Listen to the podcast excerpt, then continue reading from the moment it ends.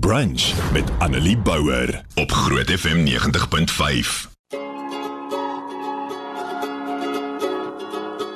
En vanoggend te spreek lewe gaan ons bietjie kyk na Matteus 7 en spesifiek vanoggend Matteus 7 vers 12. Hierdie kom nou maar uit my ervaring die afgelope week van eintlik van laasweek af, Vrydag af waar mense kom pakkies aflaai het vir versorgie versorger waar ons hierdie week die voorreg het om hierdie mense te seën met 'n versorgpakkie vir 'n versorger net om te sê ons dink aan julle, ons sien wat julle doen. Julle is nie alleen nie, ons bid vir julle.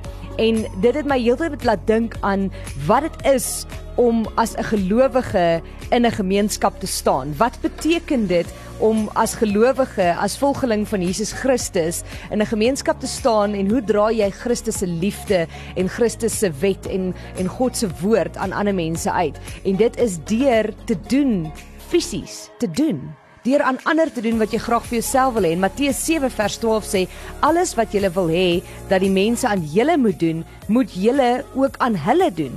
Dit is tog waarop dit neerkom in die wet en die profete. Nou, dit is hier waar Jesus half die wet in die Ou Testament opsom. Vroeger sê hy dan ook, jy weet, as daar vir hom gevra word, wat is die belangrikste wet? Dan som hy die hele wet op met die twee sinne wat sê jy moet die Here jou God lief hê met jou hele hart, siel en verstand. En die tweede wat hieraan gelyk staan en daarmee vergeet ons altyd, as jy met jou naaste lief hê soos jouself. En dan nou in Matteus brei dit uit wat sê jy moet aan ander doen wat jy wil hê hulle aan jou moet doen. Goeie verhoudings met medemense is belangrik. Dis deel van die mooi van hierdie lewe om as 'n man en 'n vrou, ouers en kinders, vriende en medegelowiges goeie verhoudings te geniet. Terwyl min dinge ons lewe so kan onkrap so slegte verhoudings met ander. Jy weet wanneer jy en iemand anders vassit, wat se invloed dit op jou lewe het. Daai konflik, daai haat, daai nait, wat se negatiewe invloed dit op 'n mens se daaglikse lewe kan hê. Goeie verhoudings met ander is ook uit 'n godsdienstige oogpunt belangrik.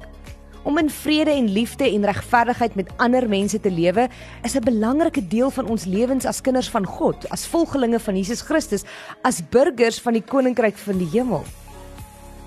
Alles wat jy wil hê dat mense aan julle moet doen, moet julle ook aan hulle doen.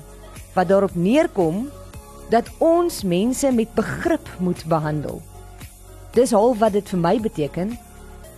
Kom ons kyk na hierdie opdrag van Jesus. En die feit dat dit nog altyd God se wil was. In hierdie opdrag wat sê alles wat jy wil hê dat mense aan julle moet doen, moet julle ook aan hulle doen, vat Jesus alles wat God van ons verwag in ons verhoudings met ander mense in hierdie sinnetjies saam.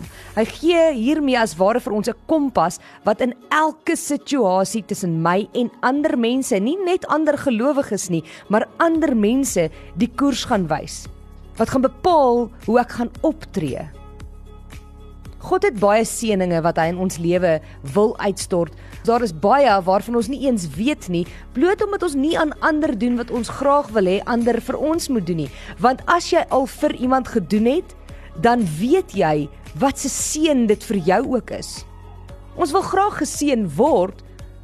Maar partykeer wonder ek, neem ons dan die inisiatief om ander eerstens onbaatsigtig te seën sonder om iets terug te verwag?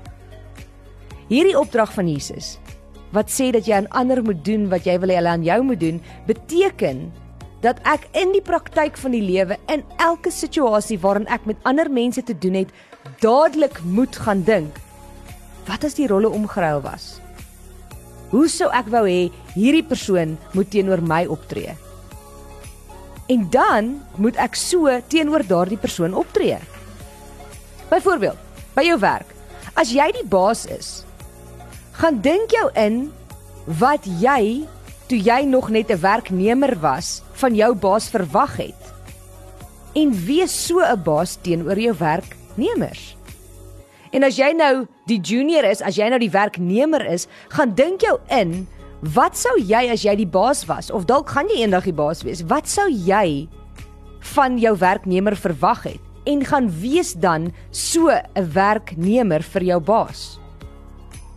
Nog 'n voorbeeld, as jy met 'n siek mens te doen het, gaan dink hoe jy as jy die sieke was, sou wou hê dat ander mense jou moet hanteer en wat sou jy verwag moet hulle vir jou doen? en gaan doen dit dan teenoor daardie persoon. 'n Moeilike ene as jy voor iemand staan wat jou 'n onreg aangedoen het. Moet jy probeer indink, hoe sou jy wou hê as die rolle omgeruil was, daardie persoon jou moet hanteer, die persoon wat jy dan verontreg het. En dan moet jy dit doen in hierdie situasie. Daar's klomp voorbeelde. Jy kan vir jouself duisende gaan uitdink. Dis eintlik 'n baie maklike riglyn om te gebruik. Hoekom? Omdat elkeen van ons natuurlik soort van outomaties eintlik verwag dat ander mense ons vriendelik en met begrip en met regverdigheid en met liefde en met geduld sal hanteer. Ons vat dit so van selfsprekend dat dit is hoe dit veronderstel is om te werk dat ons eintlik teleurgesteld en kwaad is as mense nie so teenoor ons optree nie. So in plaas daarvan om op jouself te fokus en te wag op seëninge wat na jou kant toe kom, kies om aktief opofferings te maak en die mense te dien wat God in jou lewe geplaas het. Wees 'n dienaar en fokus daarop om ander te seën.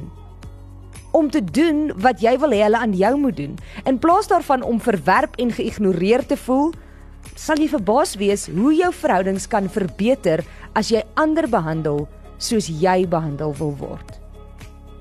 En ek weet dis nie altyd maklik nie en ek weet dat ons menslike natuur en selfsug baie keer oorneem.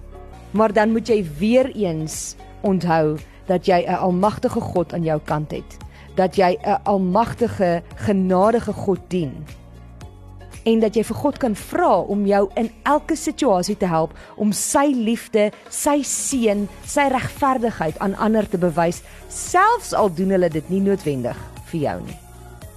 Mag jy in jou lewe vorentoe regtig in elke situasie waar jy jouself met ander mense bevind, goed of sleg, eerstens vir jouself afvra, hoe sou ek wou hê moet hulle my hanteer as hierdie rolle omgeruil was?